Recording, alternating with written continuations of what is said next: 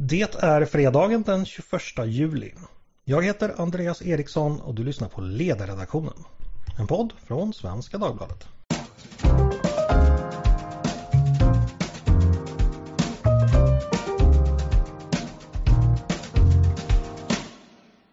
Varmt välkomna till oss igen. Det är fredag igen och det är dags för podd igen. Som jag förutspådde redan förra veckan har lejon nu åter börjat siktas i civilisationen och nu väntar vi bara på en dramatisk rymning från ett svenskt högsäkerhetsfängelse med efterföljande vildjakt genom sommarsverige så är sommarkänslan total. Själv befinner jag mig för tillfället på Västgötaslätten med innanhavet Vänern på bekvämt avstånd. Och kulturbygden omkring mig ringas in av mognade vetefält, gulnade rapsåkrar och väldiga kolodlingar som väntar på att bli frysta kåldolmar från Dafgårds i Källby. De medeltida stenkyrkorna, de vita säterierna och de grå, grå sädesilorna bildar blickpunkter i detta platta prunkande landskap av åkrar, hagar, skogsdungar, ädellövsalléer och stilla framflytande åar. Ute på Kållandsö får man finna sig att bli omkörd av misstänkt motorstarka epatraktorer och vägen ut till Spikens fiskeläge är ett lämmeltåg av husbilar och båttrailers på jakt efter uppställningsplatser, varmrökt lax och Vänerlöjrom. Längst ut, blickarna mot norr, reser sig det mäktiga, mäktiga Läckö slott som i år ger Macbeth på innergården och där den store Magnus Gabriel kanske själv stått och oroligt blickat ut efter reduktionens indrivare. Kanske också dessa utklädda till levande skogar från Otterstahållet. Vem vet? Men vi ska lämna den mindre framstående rikskanslern åt sitt öde och likaså Shakespeare och istället är det hög tid att välkomna mina kollegor på ledarredaktionen. Och idag heter de Tove Livendal, Linnea Dubois och John Norell. Hej på er alla tre! Hej! Hej! hej. Tove, du är tillbaks igen. Eh, du lämnade dina barn att flyga själva förra fredagen. Gick det bra tycker du? Ja, men det gick utmärkt. Jag var ju ungefär där du befinner dig just nu faktiskt. Så jag har varit ute och farit i, i, i sommarsverige. Mm, vad härligt. Eh, gick du och såg Macbeth på Läckö slott? Tyvärr inte, men det är ju fantastiskt. Jag har varit på, på eh, utomhusscenen där tidigare och Läckö slott är ju faktiskt, jag har en sån stark affektion till det. När jag gick i åttan så hade jag eh, en uppgift i tekniken att man skulle göra ett byggnadsverk i, ja, i, inte naturlig storlek, men jag och min bästa barndomsväninna, vi gjorde Läckö slott faktiskt. Oj, nu är jag verkligen imponerad. Eh, och blev det bra? Ja, det blev väldigt bra. Och det här är ju nu för att komma tillbaka till en tidigare harm som jag har uttryckt i den här podden. Läraren sa att det här var ju liksom värt en femma, men, men hon kunde inte ge ut så många femmor så att vi fick fyra för det här och jag fortfarande har en tagg det, det, det, var, det var några grabbar som hade gjort Gripsholm som tog den femman. eh, John, du gjorde ju poddebut senast. Hur är läget nu? Jajamensan. Det är mycket bra. Jag är lite smått så förkyld. Det kanske hörs i, i, i mikrofonen men eh, annars så är det strålande. Det är eh, väldigt kul att eh, vara med här igen. Mm. Sommarförkylningar är ju alltid lite läskiga, det vet ju alla som har läst The Stand av Stephen King. Men jag hoppas att det inte är någon Captain Strip som är på gång. Eh, John, John, har du hunnit ha några läsarkontakter under den här, din första tid? Ja, verkligen. Det har fått så himla mycket mejl och det är jättekul. Eh, folk som, både ris och ros, en, en, del som tycker att jag har helt fel men, men det är väldigt många som har egna upplevelser och egna tankar kring det jag har skrivit. Mm, toppen. Så att, eh, det är jag jättetacksam för. Och Linnea, du gör din sista vecka på redaktionen. Hur känns det? Jag gör ju det och det känns ärligt talat ganska vemodigt. Eh, tiden har mm. gått rasande fort men imorgon så stängs mejlkorgen och all åtkomst och så blir man förpassad ut till läsekretsen igen. Men har du haft roligt? Jag har haft jätteroligt. Mm. Tänk på snart så börjar terminen igen och man får träffa kompisarna i skolan och se hur många, hur, många, hur långt och högt de har växt och sådär. Och jämföra myggbett och sånt. Mm, tack Andreas. Hörni, eh, det är hög tid att dra igång med veckans ämnen. Eh, till trots ljuva sommarvindar smeker landet så finns det ett och annat stackmoln och regnby att diskutera. Cool fact a crocodile can't stick out its tongue. Also, you can get health insurance for a month or just under a year in some states. United Healthcare short term insurance plans, underwritten by Golden Rule Insurance Company, offer flexible, budget friendly coverage for you. Learn more at uh1.com. Eh, jag vet inte hur man meteorologiskt ska definiera det men jag tänkte vi skulle börja med den presskonferens som justitieminister Gunnar Strömmer höll i förrgår. Eh, samarbetspartiernas stora reform av straffrätten var ämnet för den. Eh, och utgångspunkten var då att regeringen anser att den organiserade brottsligheten är systemhotande och att det också finns ett stort reformbehov av straffrätten som då är skapad för en annan tid. Eh, Linnea, jag vet att du har intresserat dig för detta. Eh, sammanfattningsvis, hur skulle du beskriva det som regeringen nu har föreslagit? Ja, det finns lite två spår i det där som även du var inne på, eh, i vilken utsträckning det här är akuta åtgärder och i vilken utsträckning det här är systemvård. Jag skulle egentligen vilja ta fasta på just systemvården och kanske systemskifte som de så gärna pratar om. Men straffrätten, framförallt när det kommer till straffskalor och hur påföljder bestäms inom ramen för vad som eh, erbjuds av lagstiftningen och så där, har varit ett lapptäcke ganska länge, eh, sedan den senaste stora reformen 89 egentligen, vilket har gjort att straffskalorna, har skärpt lite här och skärpt lite där så att de inte dels inte riktigt anpassade efter den sortens brottslighet vi ser idag och dels inte riktigt anpassade till, till varandra på ett vettigt sätt. Så det man gör nu är en heltäckande eh, genomlysning och omarbetning, eh, vilket har varit efterfrågat brett länge. Precis, för då, då besvarar du faktiskt min nästa fråga. För du skrev, skrev ju en text som publicerades i veckan att många jurister efterfrågat helhetsöversynen av straffrätten. Och det är helt enkelt för att man har pillat på olika... Det, det, det var länge sedan man tänkte på helheten helt enkelt. Ja men exakt. Det, det finns ju rent av de, Eh, jag tror att Oisin Cantwell, som inte är jurist men väl eh, flitig kommentator, skrev att han egentligen önskat sig en helt ny brottsbalk. Eh, och det är han nog inte ensam om. Men man, man går igenom hela eh, från grunden hoppas vi. Det är inte supertydligt exakt hur omfattande det blir men det är ett helhetsgrepp och det är bra. Mm. Sen är det ett helhetsgrepp som görs i linje med vad regeringen och SD vill, det vill säga att man också skiftar eh, lite straffideologi och sånt där i riktning, eh, som de säger, från gärningsman till fokus på brottsoffer och samhällsskydd. Eh, där det finns en moralisk underton som är intressant. Så det ska väl läggas till i förståelsen av vad det är som händer. Just det. Och, och det här ska då utredas under två år av, Petra Lund som idag är, är riksåklagare. Eh, för precis som du säger, det ju, den politiska utgångspunkten verkar ju vara då att eh, man säger så här att svensk straffrätt bygger på förlegade utgångspunkter. Det de menar är väl, vi tycker inte så längre, men, men att gärningsmannen är i fokus och fängelse ska, ska minimeras. Så tyckte man förr, nu tycker vi inte så. Eh, men i, i, din text så, så efterlyser du eh, jag ska citera du skriver nämligen så här att om straffskalorna ska kalibreras om på detta sätt behöver motiveringen bakom redovisa sakligt detaljerat transparens. Och det behöver den politiska initiativtagaren, regeringen, göra. Eh, hur tänker du då? Har man varit för dålig på att förklara från politiskt håll vad det egentligen, vart, vart man egentligen vill? Eller hur tänker du? Jag tänker framförallt att eh, slutprodukten behöver tas ansvar för. Särskilt om man vill introducera en, en moralisk plikt etisk dimension i det hela, vilket jag tycker att det låter som att man vill, eh, så introducerar man ett liksom, eh, men rättvisebegrepp som är betydligt känsligare än att bara prata om eh, effekt på det sätt som mycket av systemet tidigare varit uppbyggt på. Eh, vad gör ett grovt brott grovt? Vad är grövt? Hur förhåller sig det till någonting annat? Eh, det är känsliga frågor, liksom. även om mycket kan kännas liksom, intuitivt. Vissa saker är um, alldeles fruktansvärda uh, och det håller de flesta med om och sådär. Men det finns en förklaringsbörda om man vill gå mot ett mer moraliskt synsätt. Mm. För du rörde mitt folkpartihjärta med nedryckaren Hårda tag får inte bli grova tag. När blir hårda tag grova? hårda tag blir grova tag när man går för långt i den i grunden goda eh, intentionen att värna samhällsskyddet genom att bura in allt och alla. Eh, det tar väl också upp i texten. Just att man vill fokusera på inkapacitering, det vill säga burar vi in buset så är buset inburat och då är det inte i samhället.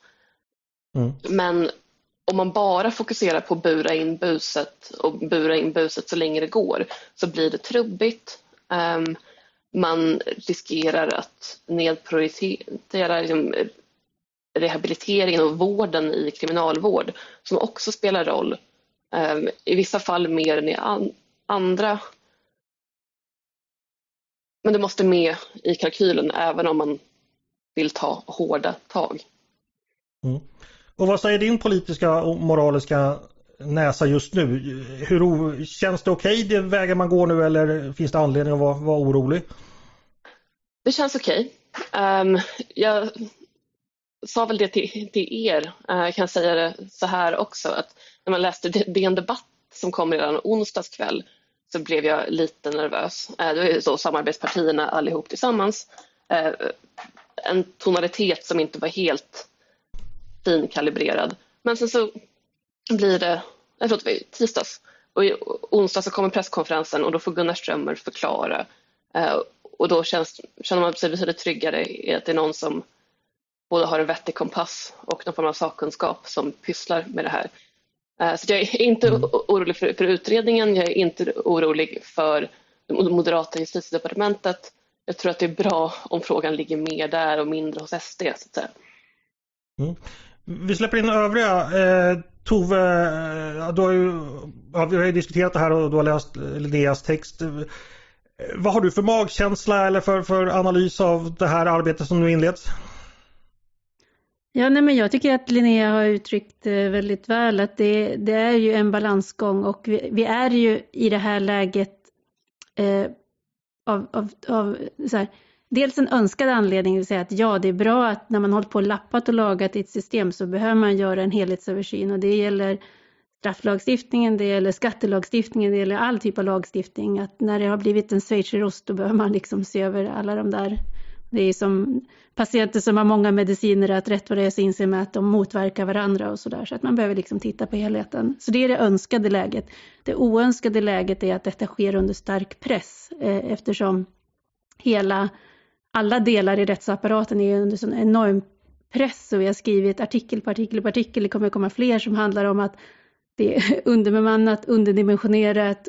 Eh, så här, vi har inte möjlighet att ta emot på det sätt som vi skulle vilja göra. Och när jag besökte SIS-hemmet i Kalix för, för ett tag sedan och skrev om det, så det är uppenbart att även när man liksom inom gruppen pojkar i en viss ålder intagna enligt LSU, där skulle det behöva en individualiserad eh, hantering på ett sätt som inte medges idag.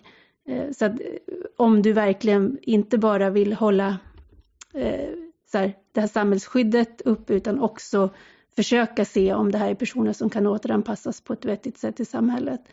Så att jag, och, och det, det är väl liksom just det där att i balansen mellan det önskade och det önskade resultatet med det här och det oönskade situationen som trycker på. Där behöver det ju finnas just den här liksom balansen, värderingarna på plats och att man inte drar i för mycket på ett sätt som sen skapar oönskade konsekvenser, precis som Linnea är inne på. Det är fler som vädjar till mitt folkpartihjärta idag hör jag. Eh, Linnea, en på en praktisk fråga, tidsaspekten. Nu ska den här utredningen sitta till 31 juli eh, 2025. Det innebär att man sen har ett riksdagsår på sig till valet och, och liksom göra verklighet av det här. Blir det tajt? Det blir jättetajt. Eh, jag har ärligt talat svårt att se hur man ska hinna det. Vi får väl hoppas. Ehm, I annat fall hoppas att resultatet blir så pass kvalitativt att den regering som tillträder efter valet 2026, vilken det än blir, eh, ser det vettiga i systemuppdateringen. Men det mm. kommer bli tajt och jag undrar lite varför man inte har gjort det här tidigare men ändå haft nio månader på sig. Men det kanske inte har funnits tid och resurser innan, innan nu. Eh, kanske det. Vi ska snart släppa in John. Jag ska bara, eh, regeringen pratar ju ofta om systemhotande brottslighet och jag ägnade mig åt lite språksociologisk arkeologi och fann att det ordet det dök upp första gången i en BRÅ-rapport från 1999. Den gången handlade det om MC-gängens verksamhet. Eh, och ofta handlar det då om brottslighet som eh, riktar sig exempelvis mot polis och åklagare och vittnen, att man hotar dem. Det har också använts för att beskriva terroraktiviteter av olika slag exempelvis djurrättsaktivisterna som för några år sedan eh, ägnade sig åt, åt, åt eh, våldsdåd. Det beskrevs också som systemhotande verksamhet. John, vad säger du om det här eh, att läget är skarpt nu, att vi har en systemhotande brottslighet? Ja, hur, hur stort är det hotet och hur, hur, mycket påverkas den, hur mycket ska den förda politiken påverkas av det? Ja, det är en bra fråga. Alltså, um, det är klart att jag, det, det, är ytterst allvarligt det som vi ser nu när, när det inte bara är anhöriga som drabbas uh, av, de, av gängkriminaliteten utan även uh, vittnen som, som tystas uh, och liknande. Men precis, som, precis som Tove noterade, alltså vi har ju redan idag ganska stora problem inom kriminalvården med, med platsbrist. Eh, och eh, eh, det här kommer ju leda till att, att, eh, att behovet av fängelseplatser ökar något kolossalt. Eh, den, den eh, planerade eh, utvidgningen av kriminalvården eh, är ju inte alls i, i paritet med vad, vad, vad behovet är. Vi har i nuläget 4300 fängelseplatser i Sverige och TV4 hade kommit över interndokument från regeringskansliet eh, om att eh, eh det bedöms att med Tidöavtalets reformer att det kan behövas upp till 18 000 fängelseplatser i Sverige. Då är frågan, var ska de här, hur ska det här gå till, var ska det komma ifrån? Och då pratar regeringen om förtätning, att man ska ha våningssängar um, och att man ska um, uh, upphandla platser i andra länder. Mm. Jag, jag, skrev i veckan nu en, en så eh, skrev om ett radikalt förslag eh, om att upphandla fängelseplatser hos privata aktörer. Um, och uh, um, om man slipper det, alltså det är inte helt okontroversiellt och skulle man, skulle man göra det så, så behöver man ju absolut uh, planera ordentligt uh, och se till så att det är reglerat men det finns ju, det är inte ovanligt i andra länder som i ja, Nya Zeeland, Storbritannien och Kanada och sådär. Så att, um, det är väl liksom en möjlig uh, sätt att, att få fram fängelseplatser nu när kriminalvården uppenbarligen inte kan hantera sin uppgift. Får jag bara sticka emellan med, med en fråga om just det där, du som är nationalekonom. Jag minns att när jag pluggade nationalekonomi så tog man just upp, uh, upp alltså privata fängelser som ett exempel på någonting som förde med sig vissa institutionella risker eller liksom eh, strukturella risker. Eh, hur, hur ser nationalekonomin jag hade en lärare som hette Tore Ellingsson på Handelsministern. Och, och, jag minns att det ofta, nu kommer jag inte exakt ihåg vad det var, men att det var någonting knepigt just med privata fängelser. Hur, hur ser nationalekonomin på det där? Ja, alltså, alltså mm, det är klart att det, det finns det är problem om det skapas incitament för privata aktörer att lobba mot regeringen för, för eh, längre och strängare straff därför att det är ett sätt för dem att, att fylla sina sina fängelser med, med personer. Eh, det vill man ju eh, eh absolut undvika. Ehm, eh, och se till så att man har, så man, så man har aktörer som är ansvarstagande och eh, är i den branschen för att de eh, vill göra gör, gör nytta. Ehm, jag tror att, ehm, att det finns säkert eh, aktörer som har erfarenhet av liksom, utslussningsverksamhet eh, som, som, som eh, skulle kunna göra ett bidrag där. Men, eh, men eh, det finns absolut problem liksom, i att eh, ja, man, vill inte, man vill inte ha en lobbyism mot politiker om att nu ska vi, nu ska vi ha fylla fängelserna. Liksom. Nej, ett radikalt förslag. Eh, Tove, du ska knyta ihop säcken lite här. Eh, just det här med att det beskrivs som systemhotande idag och att man därför, att det handlar om, inte, Linnea säger att att det är dels åtgärder som behöver göras, som hade behövt göras då, men, men också att det finns liksom ett akut behov av att man kanske skyndar väldigt långsamt, eller skyndar väldigt raskt just nu. Hur, hur bedömer du den risken? Ja, alltså jag tycker att vi har bråttom. Eh, för om man tittar in på här, läget som vi befinner oss och det är ju inte så att det här är nytt, det är under lång tid det har det, det, finns delar av det här som har varit kokande grodor om man så säger. Eh, Adam Yngve skrev ju om situationen för ambulansförare och hur den har förändrats. Det skrev ju Paulina Neuding om för många år sedan. Jag tror att vi hade någon artikel som vi länkade till från 2016 där de kunde konstatera att man under lång tid hade upplevt mer och mer hotad situation. Och det är ju då ändå, då ska man säga att det här är, det är då personer som kommer ut bara för att hjälpa skadade. Det är inte sådana som åklagare eller som, liksom, som tar upp anmälningar eller någonting sånt där. Men så här ser det ju ut i, liksom, i alla delar av systemet där eh, de här kriminella elementen som är organiserade är i kontakt med det offentliga. Det är socialtjänsten, det är polisen, det är inom vården, det är räddningstjänsten.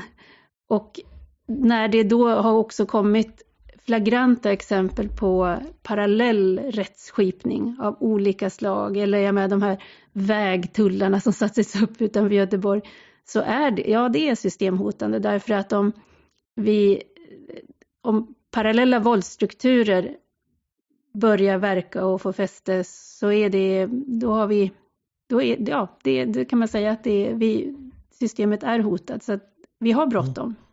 Det är ett monopol vi inte vill bryta upp. Nej. Eh, hörni, vi ska gå vidare.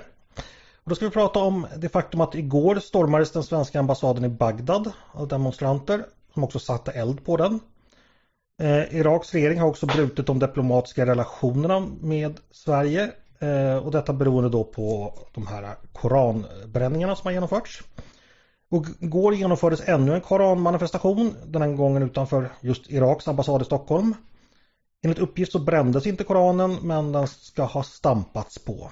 Eh, Tove, vad betyder det här?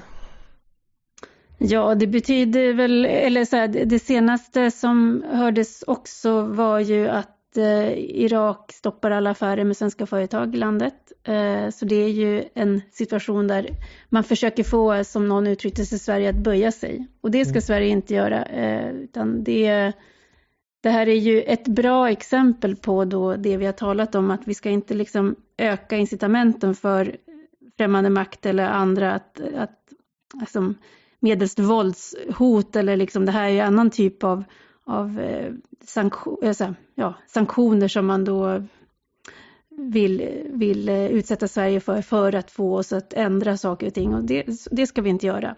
Men parallellt med det så måste vi klara av att fortsätta ha en diskussion om vad vi tycker ska gälla i Sverige för det offentliga rummet, precis som vi gör med all annan lagstiftning. Du ägnar ju åt en ganska lång söndagstext eh, ganska nyligen åt just det här med koranbränningar och, principer som står emot där. Har du fått mycket reaktioner på den? Vad tycker folk? Eh, jag har fått eh, många läsare som har hört av sig och är eh, väldigt tacksamma eh, och, och så att säga är av den instämmande karaktären. Eh, jag var beredd på alla möjliga reaktioner för det är klart att det är, det är svåra frågor. Jag tycker det är det första man ska göra, att tillstå att det är många principer här som ska samsas. Men eh, jag har fått mest uppskattning för den. Mm, Okej. Okay. Då ska vi gå vidare och då är det John som ska stå för underhållningen.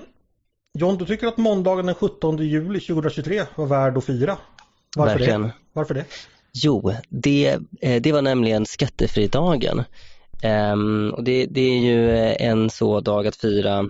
Det är den dagen, den representerar den, den dagen då det har 54,1 eh, procent av året har gått. Eh, för att eh, så att säga det motsvarar den skatten som en genomsnittlig inkomsttagare, löneinkomsttagare betalar i skatt. Så att om man skulle liksom betala, om man tänker att man jobbar, börjar jobba för staten i början av året, då skulle man nu i måndags äntligen få börja jobba åt sig själv och tjäna sina egna pengar. Mm. Ehm, och eh, det är, det är viktigt att påminna och uppmärksamma att, att vi fortfarande lever i ett, i ett enormt högskatteland. Eh, och det är inte bara, det är inte bara medelinkomsttagare eller så att säga, den genomsnittliga eh, lönetagaren som betalar mer än hälften av sin inkomst i skatt utan det är även höginkomsttagare och låginkomsttagare som betalar mer än hälften. Det. Och, ja. Eh, men jag tittade, det har ändå blivit lite bättre. 2005, året innan alliansregeringen tillträdde, då fick man vänta ända till den 10 augusti. Eh, min namnsdag för övrigt. För att fira. Så att tre veckors arbete har vi tjänat in. Dessutom i den trevliga månaden juli-augusti. Så lite bättre har det blivit. Ja, men det här är på marginalen. Jag tycker ja. det, det, jag skulle gärna vilja se något radikalt här. Nu, nu tycker jag vi ska... Februari? ja, jättegärna. Ja. det tycker jag låter som en, som en rimlig dag att, att få, få fira den här dagen på. Linnea, när vill du fira skattefri dag? Månadsskiftet januari-februari kanske. Så du pratar ett totalt skattetryck eller skattekvot på 8 då ungefär? Ja, är det, i det bästa av samhällen så borde det gå, borde räcka för att finansiera de eh, grundläggande statliga funktionerna. Men eh, februari låter också ganska bra. Nu ska jag säga som någon i Diskutabelt 1989 sa till Anders Borg. Denna unge man är en farlig revolutionär. eh, Något ska man ha ungdomen till. Tove, är du förfärad över det du hör eller går du också med på, på, på 13-dagen eller något sånt där? Nej, men jag kan ju sträcka mig någon gång till mars-april där. 30 procent totalt skulle jag kunna tycka var... Vi, vi börjar där liksom, sen kan vi väl gå vidare ut. När vi är där och, och så, så kan vi diskutera Linneas Okej, okay, men om vi ska vara ärliga John. Nu har vi en ja. borgerlig regering. Yes. När, när kommer den att låta oss fira skattefri dag år 2026? Um, ja, du, jag, jag, jag, skulle nog inte säga, säga att jag är alltför förhoppnings, förhoppfull, men, eh, men eh, det är värt att, att påminna regeringen om att eh, mandatet från väljarna var ju tydligt. Eh, sänk skatten, kom igen nu. Eh, skattet, skattetrycket ska ner. Sen, sen eh, om, det blir, om det blir ett par dagar tidigare eller någon vecka, ja det, det, det återstår att se. Men jag hoppas på ett jobbskatteavdrag i, i höst i alla fall. Mm. Men, men är det mandatet så självklart, kan man inte hävda att den här regeringen valdes för att få ner elräkningarna och bura in brottslingar huvudsakligen? Jo, men äh, det, det är klart att det var en viktig del i, i, i äh, vad man kunde komma överens med äh, SD eller vad som, vad som står i tidavtalet. Men väljarna vill ju ha sänkt skatt. Det vill ju även Sverigedemokraternas väljare. Jag mm. tror, att, jag tror till och med att, att Sverigedemokraternas väljare är de som vill ha sänkt skatt allra mest till och med. Mm. Så att eh, eh, bland, bland de högerväljarna så är det tydligt att, eh, att de förväntar sig eh, sänkt skattetryck eh, under den här mandatperioden. Och eh, desto tidigare och desto mer desto bättre. Linnea, tror du också det att om, ja, mot all förmodan att man skulle kunna få ändra skattefridagen till midsommar 2026, skulle väljarna göra tummen upp och låta välja om den här regeringen då? Man hoppas ju på det. Jag tror väl som du att det också förutsätter att man kommit en bit på vägen med att lösa andra problem vad gäller den systemhotande brottsligheten och Nato och den typen av saker. Men man hoppas och tror ju det. Eh, inte minst så tror jag att eh, ganska stora mängder eh, valarbetare i de berörda partierna hade gått in i valrörelsen med lite större engagemang om man kunde känna att man kampanjar för att välja om en regering som prioriterar det som tillhör partiets mm. DNA att, att tro på. Mm. Ja, gladast vinner vet vi också. Jajamän. John, är, är dina skattesänkningar systemhotande? Om mina är det? Ja. Absolut inte, självklart Nej. inte. Nej, vi, vi, vi, kan, vi kan dra ner på mycket innan, innan, eh, innan det blir så. ja. Det låter bra. Eh, då får vi hoppas återigen så jag brukar säga att regeringen lyssnar. Det är tveksamt om den lyssnar så, så, så noggrant men... Eller om jag säger så här, om jag får ångra mig. Ja, det visst. kan vara, alltså om, om systemet, om vi definierar systemet som välfärdsstaten, ja men då, då tusan mig. då blir det systemhotande. Så att, eh, Krossa systemet. Don't trust the man och så vidare. Ja.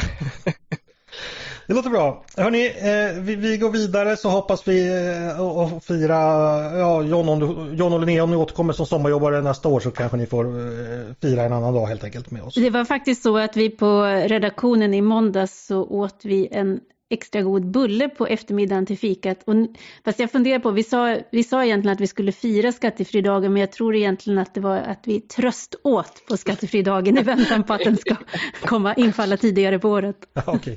ja, bulle fick ni i vilket fall som helst. Hörni, vi ska gå vidare och då ska vi gå till Tove och då ska vi snacka om Mari. Eh, för du har nämligen skrivit om detta. Eh, Tove, vem är Mari och vad finns att berätta om henne? Ja, Mari Lemerri, hon finns i Göteborg. Det är en text som publiceras idag ska sägas. Ja, precis. Och eh, hon har levt i 101 år. Jag tycker det är så fantastiskt.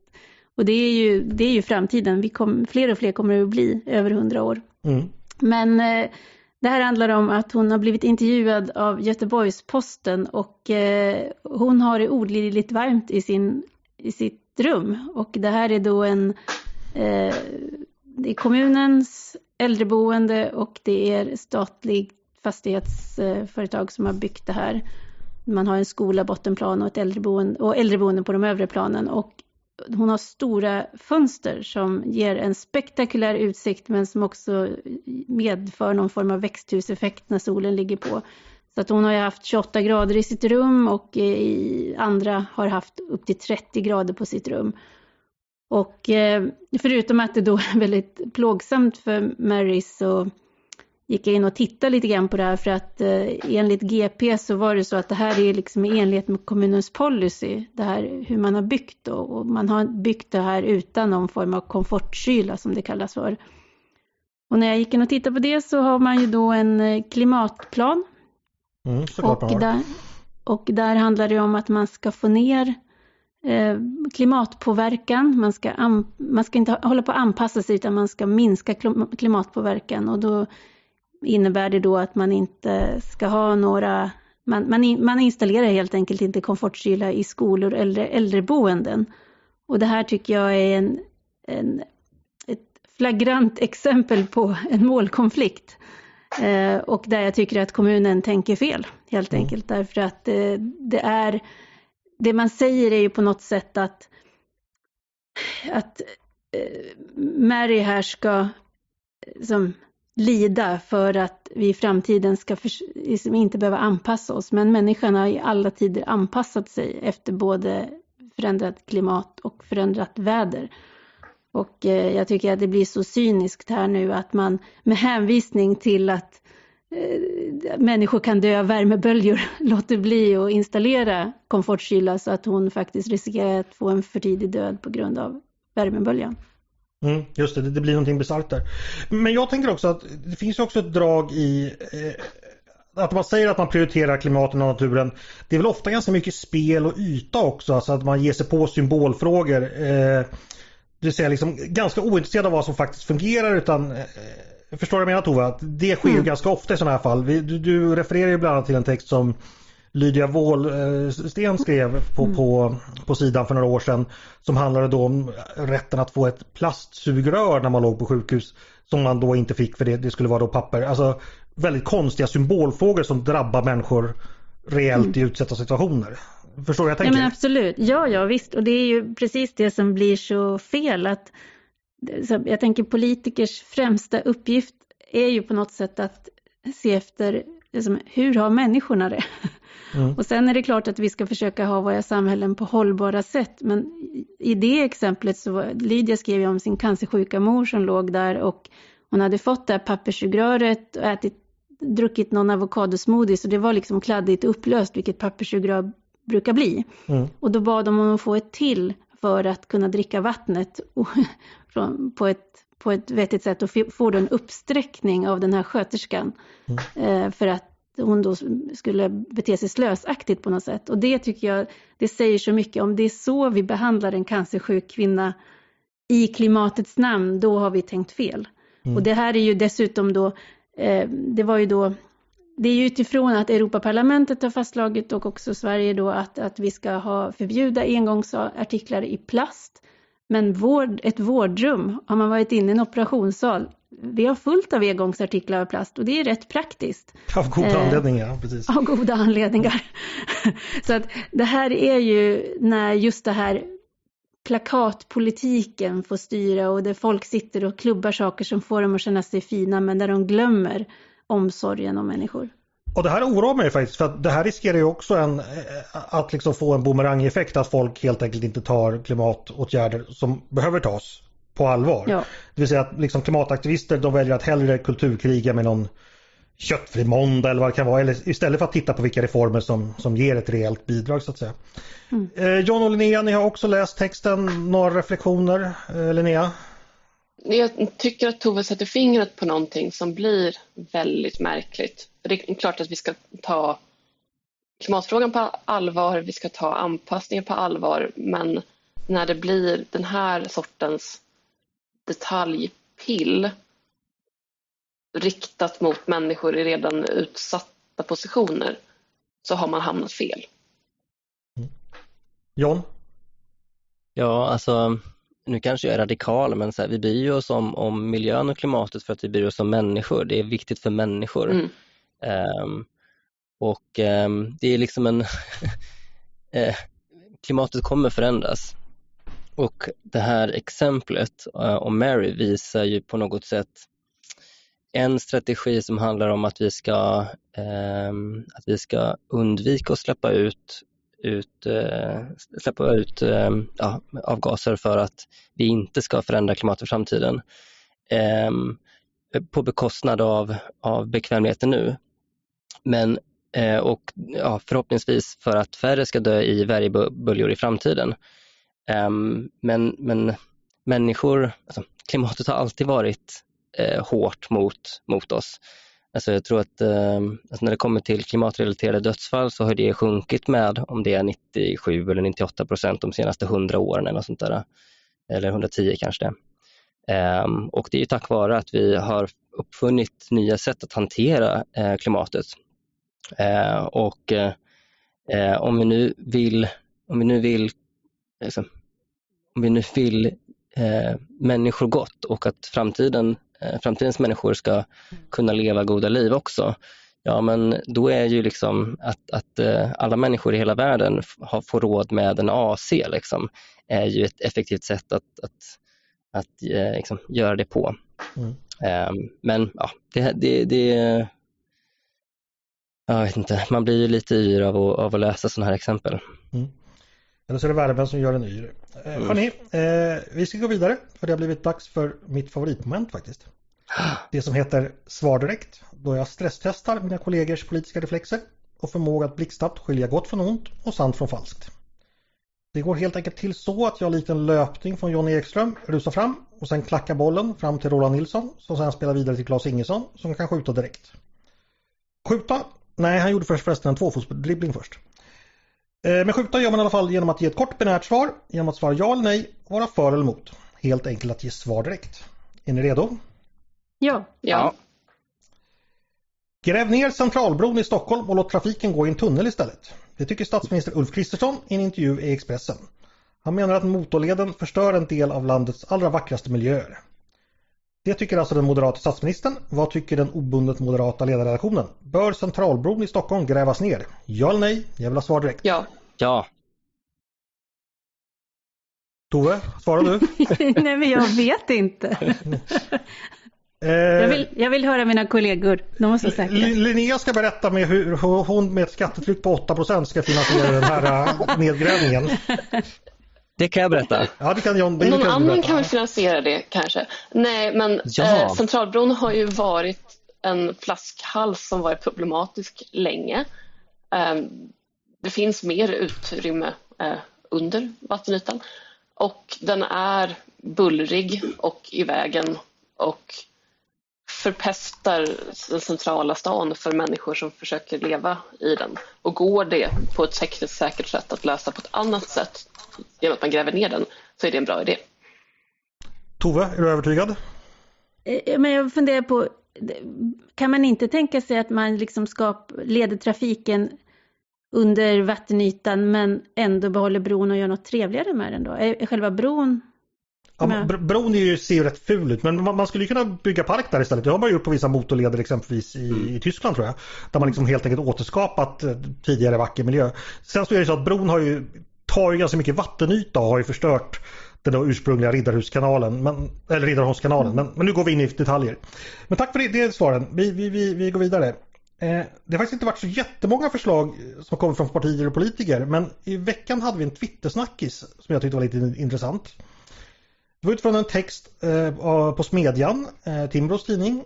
Och då var det Lovisa Landryd som skrev att det finns vissa långsiktiga kostnader för både individ och samhälle på grund av, eh, nu citerar jag, att det i Sverige finns en norm om att unga ska finna sig själva efter gymnasiet genom att åka på långresor och plan, eller planlöst plugga humaniora.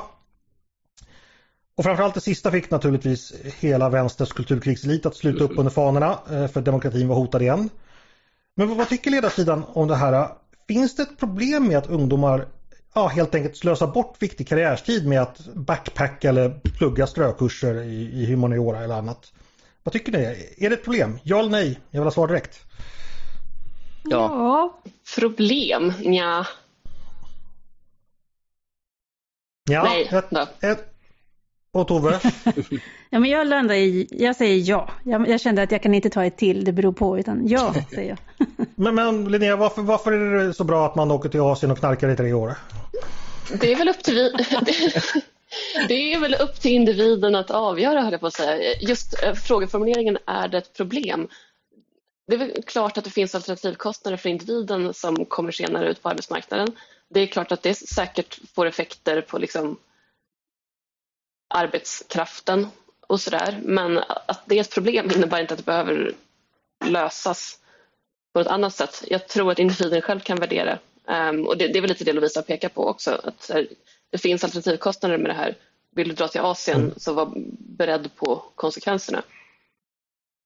John, varför tycker du det är ett problem? Um, uh, det framförallt, uh, det stora problemet är ju att det lönar sig för dåligt att, att utbilda sig. Att eh, i en, i en, en sund värld så skulle, så skulle eh, valet kring vad man vill plugga eh, bero på Eh, då skulle man ju bekosta det själv och den investeringen i en humankapital och ens framtida karriär skulle bero på ja, men hur, hur mycket mer lönar det sig om jag, om jag pluggar fem år för att bli ingenjör eller läkare eller, eller, eller om jag blir eh, bibliotekarie eller, eller pluggar språk och blir någon, jag vet inte. Eh, och eh, då får man göra de valen själva men, men i våran värld så har vi ju ett, ett eh, eh, nu, nu, har vi ju liksom ett system där vi, det lönar sig alldeles för dåligt att plugga och man behöver inte heller betala kostnaden för, för högre studier. Så att då kan man ju välja att konsumera eh, högre utbildning istället för att se det som en, en investering. Och eh Eh, då tycker jag att så, nej men, eh, humaniora kanske är ett så perfekt ämne som, som kan, man kan ägna sig åt inom folkbildningen istället för inom akademin.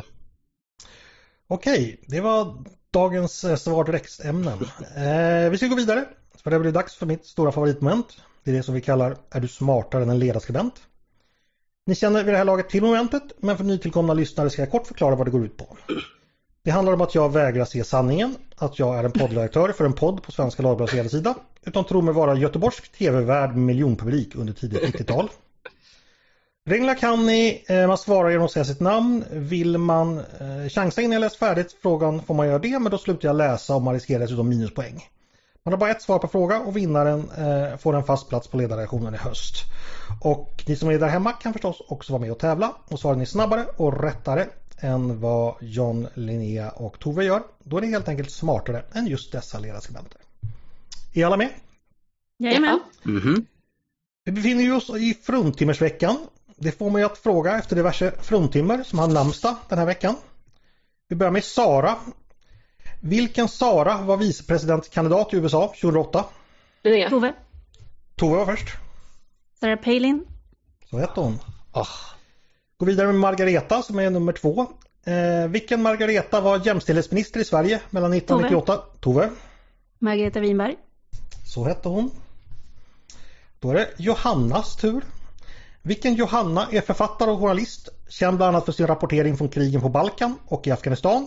Tove. Som, Tove. Hon heter Johanne Hildebrand. Ja, det gör hon ja. Men det, ja, namnen kommer ju av varandra. Förlåt Johanne. Tidigare kolumnist på ledarsidan. Det också. Och riksdagskandidat för Liberalerna 2022. Tove, du, eh, John och Linnea, är ni med nu? Systemet är riggat här mot oss vikarier, uppenbarligen. Hörni, vi tar Magdalena då.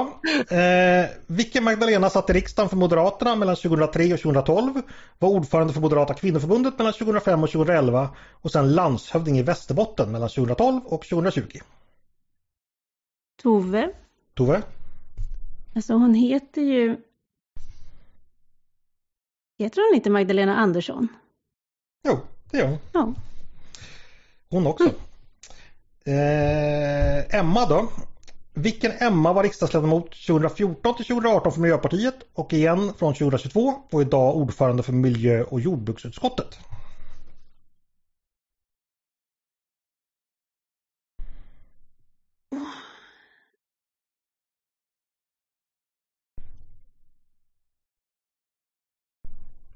Inga svar. Nej, rätt svar är Emma Norén. Kristina då slutgiltigt. Eh, vilken Kristina är en litterär gestalt härstammande från Duvemåla i Småland, död år 1862 i närheten av Central City i Chisago County i USA.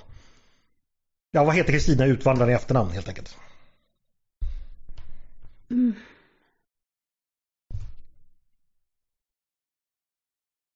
Heter Dove? Tove?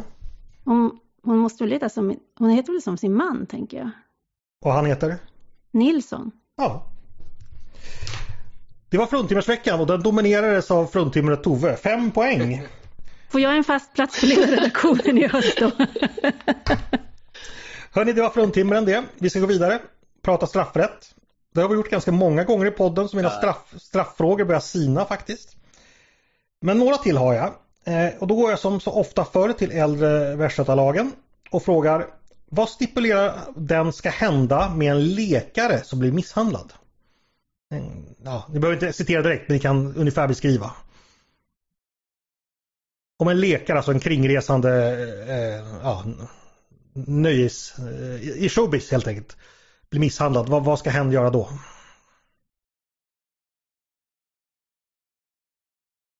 Har ni ingen koll på medeltida straffrätt alltså? Så här, så här skulle det vara. Nu citerar jag. Blir lekare sårad, en som går med giga eller far med fiol eller trumma, då ska man taga en otam kviga och föra upp henne på allmänningen. Sedan ska man raka allt hår av svansen och sen smörja in den.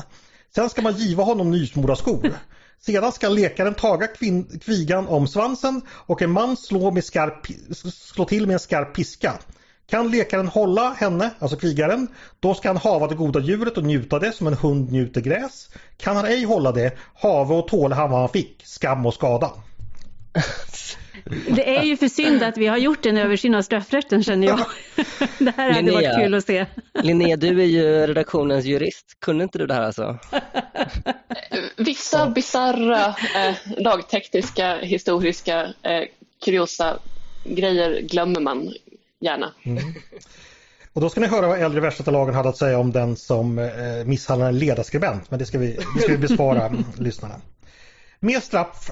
Vad kallades den påföljd som fanns i Sverige fram till 1981 som innebär ett frihetsstraff utan bestämd maxtid men med en minimitid?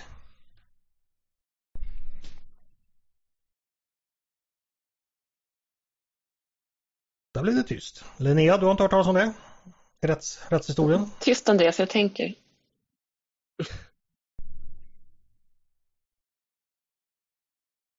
En känd person som dömdes till det här det var Christer Pettersson som dömdes till det 1978. Linnea, har du tänkt färdigt? John? John? Förvarings, förvaringsstraff kanske? Förvarings... Jag vet inte, nej. Nej, det, det, det straffet har också funnits jag, men just det här straffet hette internering. Mm. Det blir inga poäng. Eh, mer straff. Eh, straff för hädelse har ju blivit ett populärt förslag på sistone. En, en som riskerade att råka ut för det, det var ju August Strindberg som åtalades för hädelse mot Gud eller jäckeri av Guds ord och, eller sakramenten. Vad var det Strindberg hade skrivit för att bli åtalad? Återigen, ni behöver inte citera exakt, men vad var det det innehöll det han hade skrivit?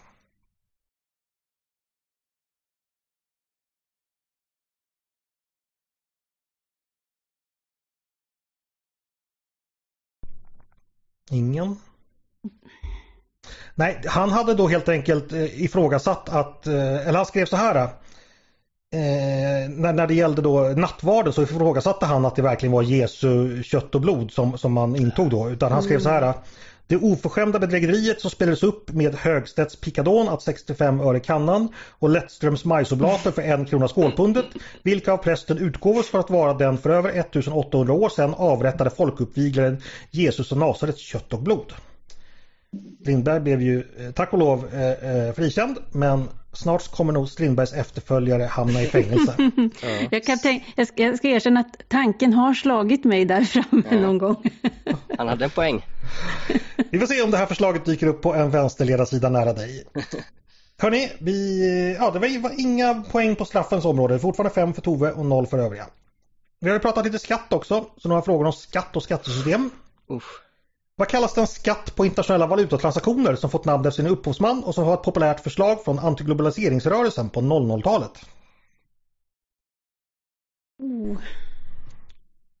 Och upphovsmannen var en känd ekonom, nobelpristagare. Tove? Tobinskatt. Helt rätt. Fram, fram till 1993 hade Sverige en särskild punktskatt på vissa produkter som ansågs onödiga och ofta var importerade, som kosmetika, godis och kakor. Vad kallades den skatten informellt? I dagligt tal? Den är fortfarande känd via monopol faktiskt. Åh.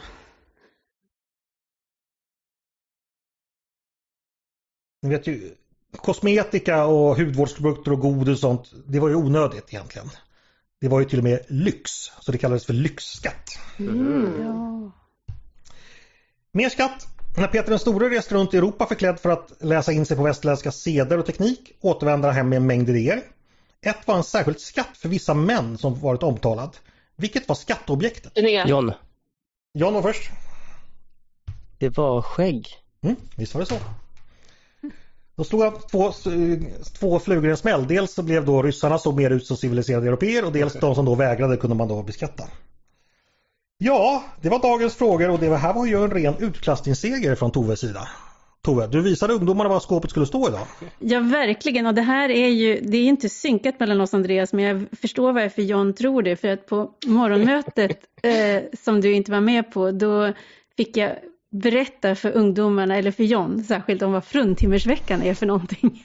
Aha, okej. Så Ja, men vi firar inte namnsdagar hemma hos mig så mycket. Så att, eh, H- Hos mig var det väldigt viktigt för min, både min mormor som hette då Sara i andra dagen och min mamma som hette Kristina var då, de började och slutade då fruntimmersveckan. Så det, det var ett välkänt begrepp. Men det, Tove, det kanske är så att fruntimmersveckan det är en tradition som, eh, eller ett begrepp som kommer dö ut med dig och mig, vår Ja, det, generation. det, det tycks inte bättre, men nu, nu vet John bättre i alla fall. och Tove berättade att hon har en dold talang också. Berätta. Ja, men nu, det, är, det är en dold och dessutom daterad talang. En gång i tiden så kunde jag faktiskt alla Sveriges namnsdagar. Så jag reagerade när du sa att du hade namnsdag den 10 augusti, för då är det ju inte Andreas, utan Men det då är är det Lars. Lars. Mm, men det Precis. heter i andra namn, Lars Andreas Eriksson. Andreas hitta- är ju den 30 november tillsammans med Anders. Det är det verkligen. Och Tove, om Anders eh, slaskar, vad händer med julen då? Ja, då braskar den ju. Då braskar den precis. Hörrni, det var allt jag hade att erbjuda idag. Stort tack eh, Tove Livendal, John Norell och Linnea Dubois för att ni var med idag. Tack själv! Tack Andreas. tack, tack. Och tack speciellt till dig Linnea för sommarens insatser. De har varit mycket goda. Woo! Och trots att du har blivit så, så, så fult och obehagligt behandlad av, av domaren i quizen dessutom. Ja, men tack till er och tack till läsarna och lyssnarna. Eh, Efter den här Eh, mycket rättvisa totalförlusten i quizet så är det väl inte bättre att jag kryper tillbaka ner i det hål jag kom ifrån. Det tycker jag verkligen inte du ska. Hörni, stort tack för idag. Och tack till er som har lyssnat också på Ledarredaktionen. En podd från Svenska Dagbladet. Ni är varmt välkomna att höra av er till oss på redaktionen med tankar och synpunkter på det vi precis har diskuterat. Eller om ni har idéer och förslag på saker vi borde ta upp i framtiden. Det är bara att mejla till ledarsidan snabla svd.se. Dagens producent, han heter Jesper Sandström. Själv heter jag Andreas Eriksson och jag hoppas att jag hör, vi hörs igen snart.